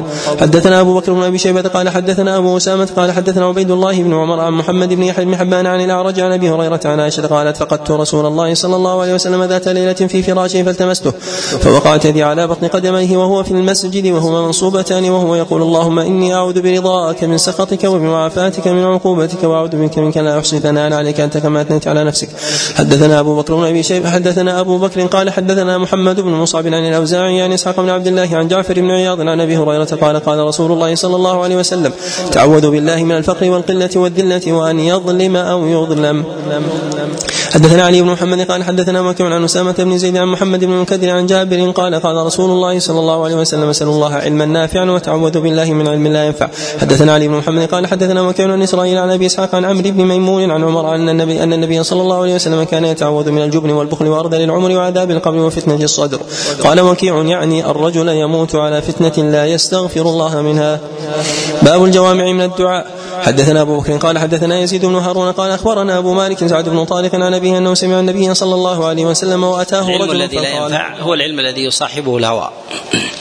فإذا صاحب العلم الهوى فهو أعظم بلوى على الإنسان من جهة رأيه وكذلك إضراره بالأقوال وكذلك أيضا بفتنة الناس.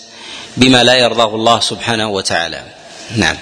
أحسن الله أنه سمع النبي صلى الله عليه وسلم وأتاه رجل فقال يا رسول الله كيف أقول حين أسأل ربي قال قل اللهم اغفر لي وارحمني وعافني وارزقني وجمع أصابعه الأربع إلا الإبهام فإن هؤلاء يجمعن لك دينك ودنياك. حدثنا أبو بكر بن أبي شيبة قال حدثنا عفان قال حدثنا عماد بن سلمة قال أخبرني جبر بن حبيب عن أم كلثوم بنت أبي بكر عن عائشة عن عائشة أن رسول الله صلى الله عليه وسلم علمها هذا الدعاء اللهم إني أسألك من الخير كله عاجله وآجله ما علمت منه وما لم أعلم وأعوذ بك من الشر كله عاجله وآجله ما علمت منه وما لم أعلم اللهم إني أسألك من خير ما سألك عبدك ونبيك وأعوذ بك من شر ما عاد به عبدك ونبيك.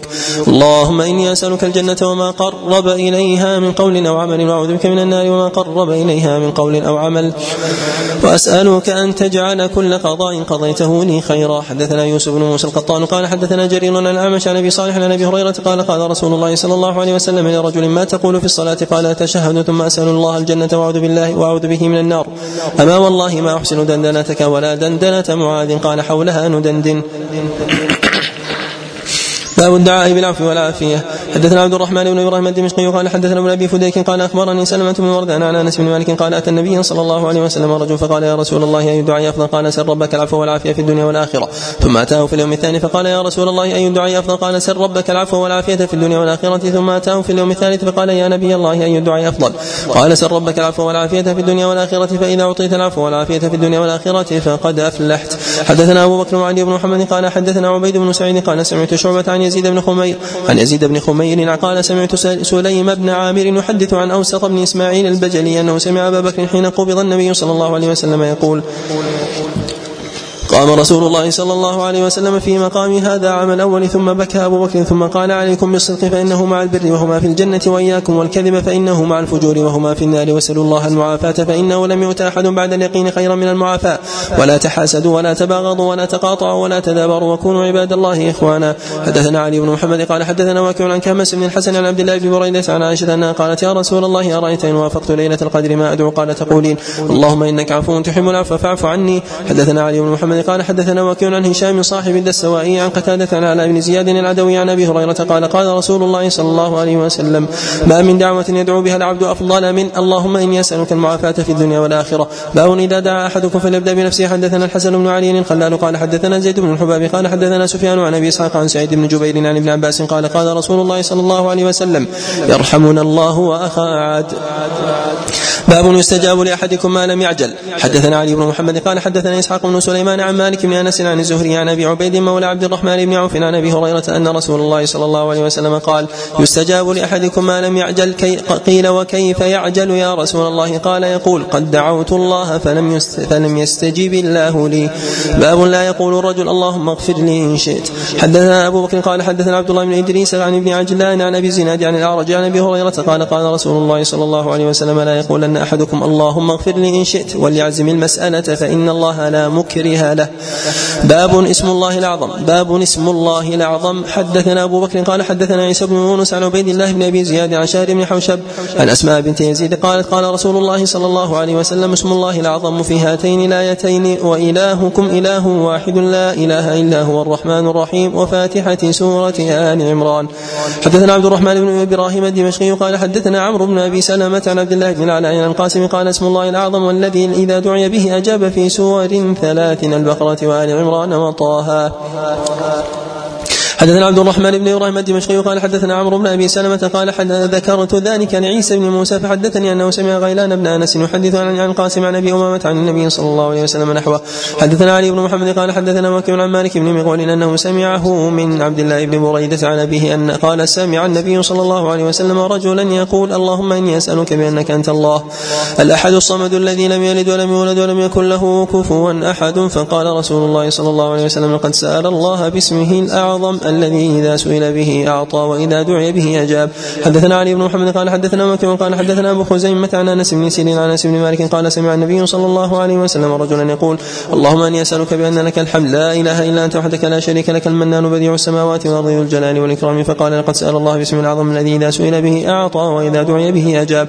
حدثنا أبو يوسف الصيدلاني ومحمد بن أحمد الرقي قال حدثنا محمد بن سلمة عن الفزاري عن أبي شيبة عن عبد الله بن عكيم الجهني عن عائشة قالت سمعت رسول الله صلى الله عليه وسلم يقول اللهم إني أسألك باسمك الطاهر الطيب المبارك الاحب إليك الذي إذا دعيت به أجبت وإذا سئلت به أعطيت وإذا استرحمت به رحمت وإذا استفرجت به فرجت. قالت وقال ذات يوم يا عائشة هل علمت أن الله قد دلني على الاسم الذي إذا دعي به أجاب؟ قالت قلت قالت فقلت يا رسول الله بأبي أنت وأمي فعلمنيه. قال إنه لا ينبغي لك يا عائشة. قالت فتنحيت وجلست ساعة.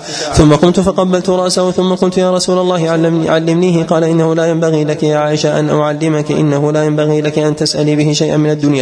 قالت فقمت فتوضأت ثم صليت ركعتين ثم قلت اللهم إني أدعوك إني أدعوك الله وأدعوك الرحمن وأدعوك البر الرحيم. وأدعوك بأسمائك الحسنى كلها ما علمت منها وما لم أعلم. أن تغفر لي وترحمني قلت فاستضحك رسول الله صلى الله عليه وسلم ثم قال إنه لفي الأسماء التي دعوت بها. ولا يثبت في تحديد اسم الله عز وجل الأعظم خبر عن رسول الله صلى الله عليه وسلم. وإنما جاء في ذلك بعض المقطوعات في كلام بعض بعض السلف. وأمثل ما جاء في هذا وهو أن اسم الله الأعظم هو الله. هذا بالنسبة للموقوفات والمقطوعات وأما بالنسبة للمرفوعات فلا يثبت في ذلك عن رسول الله صلى الله عليه وسلم شيء. الحمد لله. وبأسانيدكم إليه رحمنا الله تعالى وإياه. قال باب أسماء الله عز وجل. حدثنا أبو بكر بن أبي شيبة قال حدثنا عبدة بن سليمان عن محمد بن عمرو عن أبي سلمة عن أبي هريرة قال قال رسول الله صلى الله عليه وسلم إن لله تسعة وتسعين اسما مائة إلا واحدا من أحصاها دخل الجنة. حدثنا هشام بن عمار قال حدثنا عبد الملك بن محمد الصنعاني قال حدثنا أبو المنذر زهير بن محمد التميمي قال حدثنا موسى بن عقبة قال حدثنا عبد الرحمن الأعرج عن أبي هريرة أن رسول الله صلى الله عليه وسلم قال إن لله تسعة وتسعين اسما مئة إلا واحدا إنه وتر يحب الوتر من حفظها دخل الجنة. الله الواحد الصمد الأول الآخر الظاهر الباطن الخالق البارئ المصور الملك الحق السلام المؤمن المهيمن العزيز الجبار المتكبر الرحمن الرحيم اللطيف الخبير السميع البصير العليم العظيم البار المتعالي الجليل الجميل الحي القيوم القادر القاهر العلي الحكيم القريب المجيب الغني الوهاب الودود الشكور الماجد الواجد الوالي الراشد العفو الغفور الحليم الكريم التواب الرب المجيد الولي الشهيد المبين البرهان الرؤوف الرحيم المبدئ المعيد الباعث الوارث القوي الشديد الضار النافع الباقي الواقي الخافض الرافع القابض الباسط المعز المذل المقسط الرزاق ذو القوة المتين القائم الدائم الحافظ الوكيل الفاطر السامع المعطي المانع المحيي المميت الجامع الهادي الكافي الأبد العالم الصادق النور المنير التام القديم الوتر الأحد الصمد الذي لم يلد ولم يولد ولم يكن له كفوا أحد قال زهير فبلغنا من غير واحد من أهل العلم أن أولها يفتح بقول لا إله إلا الله وحده لا شريك له له الملك وله الحمد بيده الخير وهو على كل شيء قدير. لا إله إلا الله له الأسماء الحسنى. وسرد هذه الأسماء لا يثبت عن النبي عليه الصلاة والسلام في خبر وإنما جاءت في بعض الزيادات على الحديث السابق ولا تخلو من علل. نعم. أحسن الله إليكم. باب دعوة الوالد ودعوة المظلوم. حدثنا أبو بكر قال حدثنا عبد الله بن بكر السهمي وعن هشام بن السوائي عن يحيى بن أبي كثير عن أبي جعفر عن أبي هريرة قال قال رسول الله صلى الله عليه وسلم ثلاث دعوات يستجاب لهن لا شك فيهن دعوة المظلوم ودعوة المسافر ودعوة الوالد لولده. حدثنا محمد بن يحيى قال حدثنا أبو سلمة قال حدثتنا حبابة بنت عجلان عن أمها أم حفص عن صفية بنت جرير عن أم حكيم بنت بنت وداع الخزاعية. قالت سمعت رسول الله صلى الله عليه وسلم يقول دعاء الوالد يفضي إلى الحجاب. باب كراهية الاعتداء في الدعاء. حدثنا أبو بكر بن أبي شيبة قال حدثنا عفان قال حدثنا حماد بن سلمة قال أخبرنا سعيد الجريري عن أبي نعمة أن عبد الله بن مغفل سمع ابنه يقول اللهم إني أسألك القصر الأبيض عن يمين الجنة إذا دخلتها. فقال أي بني سل الله, سل الله الجنة ويعوذ به من النار فإني سمعت رسول الله صلى الله عليه وسلم يقول سيكون قوم يعتدون في الدعاء. باب رفع اليدين في الدعاء. حدثنا أبو بشر بكر بن خلف قال حدثنا ابن أبي عدي عن جعفر بن ميمون عن أبي عثمان عن سلمان عن النبي صلى الله عليه وسلم أنه قال إن ربكم حي كريم يستحيي من عبده أن يرفع إليه يديه فيردهما صفرا أو قال خائبتين حدثنا محمد بن صباح قال حدثنا عائد بن حبيب عن صالح بن حسان عن محمد بن كعب بن القرظي عن ابن عباس قال قال رسول الله صلى الله عليه وسلم إذا دعوت الله فادعوه فادع ببطون كفيك ولا تدع بظهورهما فإذا فرغت فامسح بهما وجهك باب ما يدعو به الرجل إذا أصبح وإذا امسى حدثنا أبو بكر قال حدثنا الحسن بن موسى قال حدثنا حماد بن سلمة عن سهيل بن أبي صالح عن أبيه عن أبي عياش الزرقي. قال قال رسول الله صلى الله عليه وسلم من قال حين يصبح لا إله إلا الله وحده لا شريك له له الملك وله الحمد وهو على كل شيء قدير. كان له عدل رقبة من ولد إسماعيل وحط عنه عشر خطيئات ورفع له عشر درجات. وكان في حرز من الشيطان حتى يمسي وإذا أمسى فمثل ذلك حتى يصبح. قال فرأى رجل رسول الله صلى الله عليه وسلم فيما يرى النائم فقال يا رسول الله إن أبا عياش يروي عنك كذا وكذا. فقال صدق أبو عياش. حدثنا يعقوب بن حميد بن كاسم قال حدثنا عبد العزيز بن أبي حازم عن سهيل عن ابي عن أبي هريرة قال قال رسول الله صلى الله عليه وسلم إذا أصبحتم فقولوا اللهم بك أصبحنا وبك أمسينا وبك نحيا وبك نموت وإذا أمسيتم فقولوا اللهم بك أمسينا وبك أصبحنا وبك نحيا وبك نموت وإليك المصير. حدثنا محمد بن بشار قال حدثنا أبو داود قال حدثنا ابن أبي الزناد عن أبيه عن أبان بن عثمان قال سمعت عثمان بن عفان يقول سمعت رسول الله صلى الله عليه وسلم يقول ما من عبد يقول في صباح كل يوم ومساء كل ليلة بسم الله الذي لا يضر مع اسمه شيء في الأرض ولا في السماء وهو السميع العليم ثلاث مرات فيضره شيء. قال وكان أبان قد أصابه طرف من الفارج فجعل الرجل ينظر إليه فقال له أبان ما تنظر إلي أما إن الحديث كما قد حدثتك ولكني لم أقله يومئذ ليمضي الله علي قدره حدثنا أبو بكر بن أبي شيبة قال حدثنا محمد بن بشير قال حدثنا مسعر قال حدثنا أبو عقيل عن سابق عن أبي سلام خاتم النبي صلى الله عليه وسلم عن النبي صلى الله عليه وسلم قال ما من مسلم أو إنسان أو عبد يقول حين يمسي وحين يصبح. رضيت بالله ربا وبالاسلام دينا ومحمد نبيا إلا كان حقا على الله أن يرضيه يوم القيامة. حدثنا علي بن محمد الطنافسي قال حدثنا وكيع قال حدثنا عبادة بن مسلم قال حدثنا جبير بن أبي سليمان بن جبير بن مطعم قال سمعت ابن عمر يقول لم يكن رسول الله صلى الله عليه وسلم يدع هؤلاء الدعوات حين يمسي وحين يصبح. اللهم إني أسألك العافية في الدنيا والآخرة. اللهم إني أسألك العفو والعافية في ديني ودنياي وأهلي ومالي. اللهم استر عوراتي وامن رواتي واحفظني من بين يدي ومن خلفي وعن يميني وعن شمالي ومن فوقي. واعوذ بك أن أغتال من تحتي. قال وكيع يعني الخسف حدثنا علي بن محمد قال حدثنا إبراهيم بن عيينة قال حدثنا الوليد بن ثعلبة عن عبد الله بن بريدة عن أبيه قال قال رسول الله صلى الله عليه وسلم اللهم أنت ربي لا إله إلا أنت خلقتني وأنا عبدك وأنا على عهدك وعهدك من استطعت وأعوذ بك من شر ما صنعت وأبوء بنعمتك وأبوء بذنبي فاغفر اغفر لي. إنه لا يغفر الذنوب إلا أنت. قال قال رسول الله صلى الله عليه وسلم قال في يومه وليلته فمات في ذلك اليوم أو تلك الليلة دخل الجنة إن شاء الله. باب ما يدعو به إذا أوى إلى فراشه حدثنا محمد بن عبد الملك بن أبي الشوارب قال حدثنا عبد العزيز بن المختار قال حدثنا سهيل عن أبيه عن أبي هريرة عن النبي صلى الله عليه وسلم أنه كان يقول إذا أوى إلى فراشه اللهم رب السماوات ورب الأرض ورب كل شيء فالق الحب والنوى منزل التوراة والإنجيل والقرآن العظيم. أعوذ بك من شر كل دابة أنت آخذ بناصيتها أنت الأول. فليس قبلك شيء وأنت الآخر فليس بعدك شيء وأنت الظاهر فليس فوقك شيء وأنت الباطن فليس دونك شيء اقض عني الدين وأغنني من الفقر. حدثنا أبو بكر قال حدثنا عبد الله بن نمير عن عبيد الله عن سعيد بن أبي سعيد عن أبي هريرة أن رسول الله صلى الله عليه وسلم قال إذا أراد أحدكم أن يضجع على فراشه فلينزع داخلة إزاره ثم لينفض بها فراشه فإنه لا يدري ما خلفه عليه ثم ليضجع على شقه الأيمن ثم ليقول رب بك وضعت جنبي وبك أرفعه فإن أمسكت نفسي فارحمها وإن أرسلتها فاحفظها بما حفظت به عبادك الصالحين. حدثنا أبو بكر قال حدثنا يونس بن محمد وسعد بن شرحبيل قال حدثنا الليث بن سعد عن عقيل عن ابن شهاب أن عروة بن الزبير أخبره عن عائشة أن النبي صلى الله عليه وسلم كان إذا أخذ مضجعه نفث في يديه وقرأ بالمعوذتين ومسح بهما جسده. حدثنا علي بن محمد قال حدثنا وكيع قال حدثنا سفيان عن أبي إسحاق عن البراء بن عازب أن النبي صلى الله عليه وسلم قال لرجل إذا أخذت مضجعك وأويت إلى فراشك فقل اللهم أسلمت وجهي إليك وألجأت ظهري إليك وفوضت أمري إليك رغبة ورهبة إليك لا ملجأ ولا ملجا منك إلا إليك. آمنت بكتابك الذي أنزلت ونبيك الذي أرسلت فإن مت من ليلتك مت على الفطرة وإن أصبحت أصح أصبحت وقد أصبت خيرا. حدثنا علي بن محمد قال حدثنا وكيع عن إسرائيل عن إسحاق عن أبي عبيدة عن عبد الله أن النبي صلى الله عليه وسلم كان إذا أوى إلى فراشه وضع يده يعني اليمنى تحت خده ثم قال اللهم قني عذابك وتبعث أو تجمع عبادك. باب ما يدعو به إذا انتبه من الليل حدثنا عبد الرحمن بن إبراهيم الدمشقي قال حدثنا الوليد بن مسلم قال حدثنا الاوزاعي قال حدثني عمير بن هاني قال حدثني جنادة بن أبي أمية عن عبادة بن الصامت قال قال رسول الله صلى الله عليه وسلم من تعار من الليل فقال حين يستيقظ لا إله إلا الله وحده لا شريك له له الملك وله الحمد وهو على كل شيء قدير. سبحان الله والحمد لله ولا إله إلا الله والله أكبر ولا حول ولا قوة إلا بالله العلي العظيم. ثم دعا رب اغفر لي غفر له قال الوليد أو قال دعا استجيب له فإن قام فتوضأ ثم صلى قبلت صلاته. حدثنا أبو بكر بن أبي شيبة قال حدثنا معاوية بن هشام قال أخبرنا شيبان عن يحيى عن أبي سلمة أن ربيعة بن كعب الأسلمي أخبره أنه كان يبيت عند باب رسول الله صلى الله عليه وسلم وكان يسمع رسول الله صلى الله عليه وسلم يقول من الليل سبحان الله رب العالمين الهوي ثم يقول سبحان الله وبحمده. حدثنا علي بن محمد قال حدثنا مكي قال حدثنا سفيان عن عبد الملك بن عمير عن ربعي بن حراش عن حذيفة قال كان رسول الله صلى الله عليه وسلم إذا انتبه من الليل قال الحمد لله الذي أحيانا بعدما أماتنا وإليه النشور.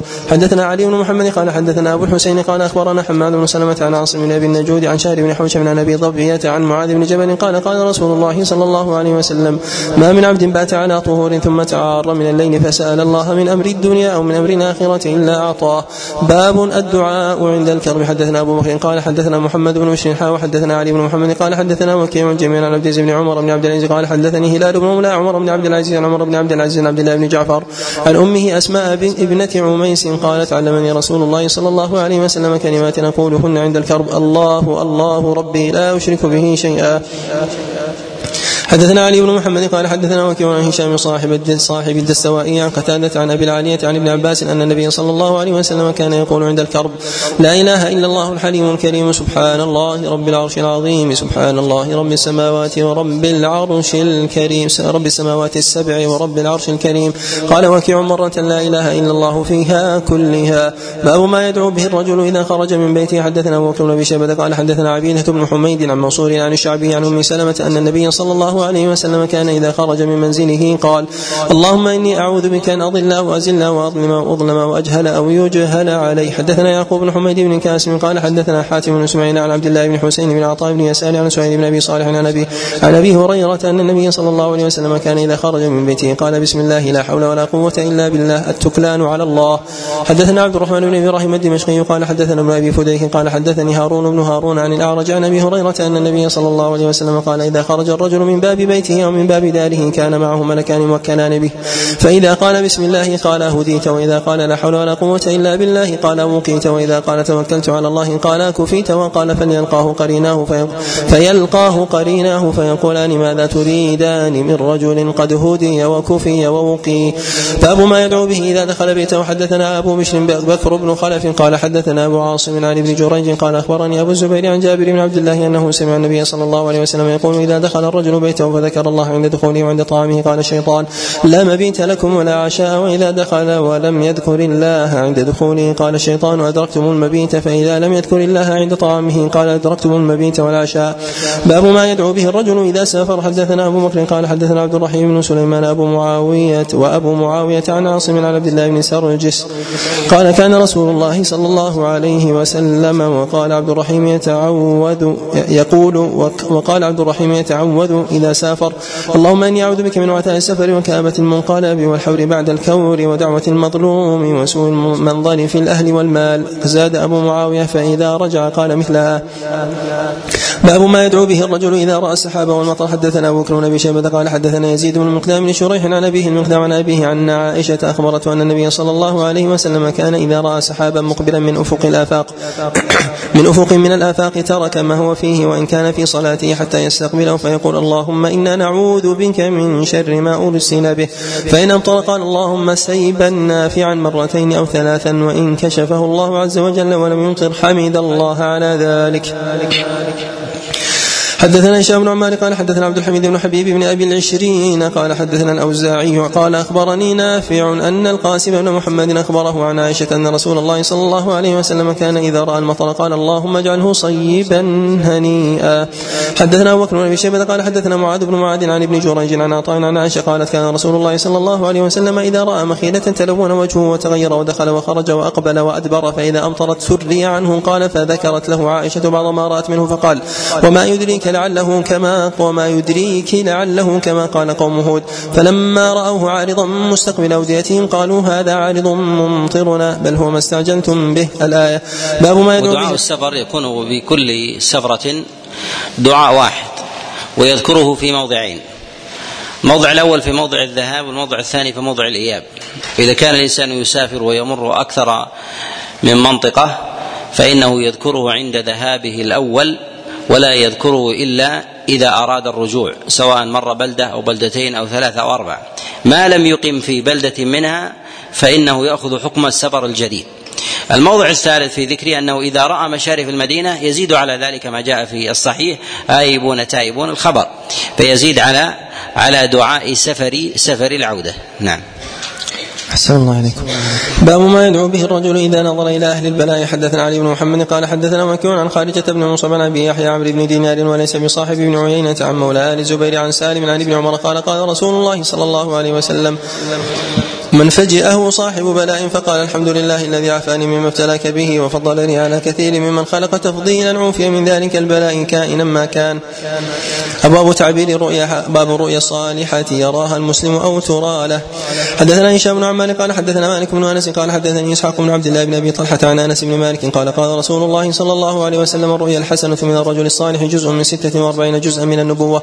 حدثنا أبو بكر بن أبي شيبة قال حدثنا عبد الأعلى عن معمر عن زهري عن سعيد عن أبي هريرة عن النبي صلى الله عليه وسلم قال رؤيا المؤمن جزء من ستة وأربعين جزءا من النبوة. حدثنا أبو بكر بن أبي شيبة وأبو كريب قال حدثنا عبيد الله بن موسى قال أخبرنا شيبان عن فراس عن عطية عن أبي سعيد الخدري عن النبي صلى الله عليه وسلم أنه قال رؤيا الرجل المسلم الصالح جزء من سبعين جزءا من النبوة.